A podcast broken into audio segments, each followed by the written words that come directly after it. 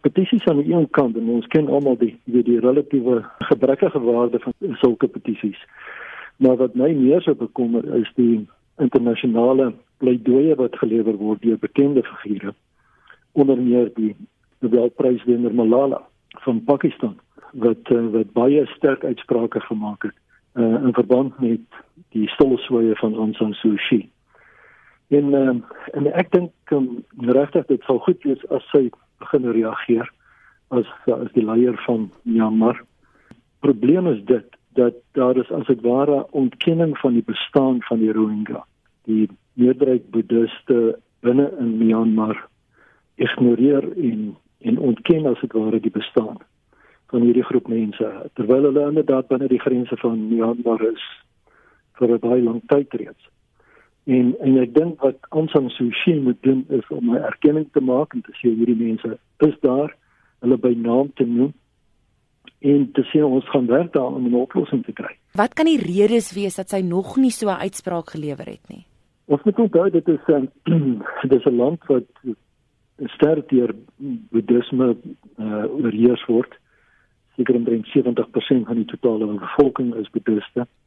En dan is daar 'n groot verskeidenheid van kleiner etniese groeperinge wat ook verskillende gelowe insluit. 'n Groot persentasie van daardie balans van 30% is inderdaad Christene. En haar stryd is nie net teen die Rohingya en die moslems nie. Dit is ook teen van hierdie ander uh, gewapende etniese groepe. En dan natuurlik het sy die dekade ou probleem rondom die beheer wat die militêre gehad het en tot 'n hoë mate nog steeds het in die land.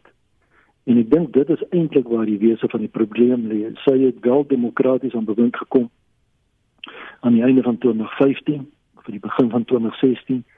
Maar sy het nie volslae beheer nie want die militêre posisie is steeds baie sterk. En ek dink dit is waar die oorsprong ook van die Rohingya probleem lê. Sy is met ander woorde nie by magte om vir die militêr te sê stop julle gewelddadige aksies teen hierdie groep mense nie. Daar is nou al byna 30000 handtekeninge op een van ek neem aan 'n hmm. hele paar sulke petisies waar daar gevra word dat Aung San Suu Kyi 'n Nobelprys vir vrede moet teruggee. Dink jy sy moet dit teruggee?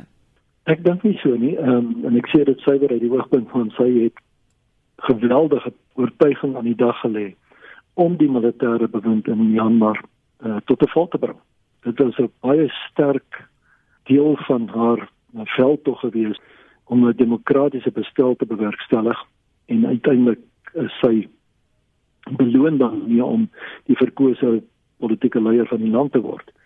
En dit is op sterkte van haar weerstand teen daardie militêre heerskappy wat sy die Nobelprys in die vroeë 1990s reeds gekry het. En ek dink nie mense kan dit ontken of misken nie. Ek dink die belangrike is sy moet volhou met haar oortuiging en uitvoer waar waarvoor sy staan. En ek dink dit uh, moet mense daarmee help en aanspoor om dit verder te doen. Maar uh, niemand kan ontken wat sy reeds reg gekry het en wat sy spesifiek voor beloon is by wyse van die uh, Nobelprys nie.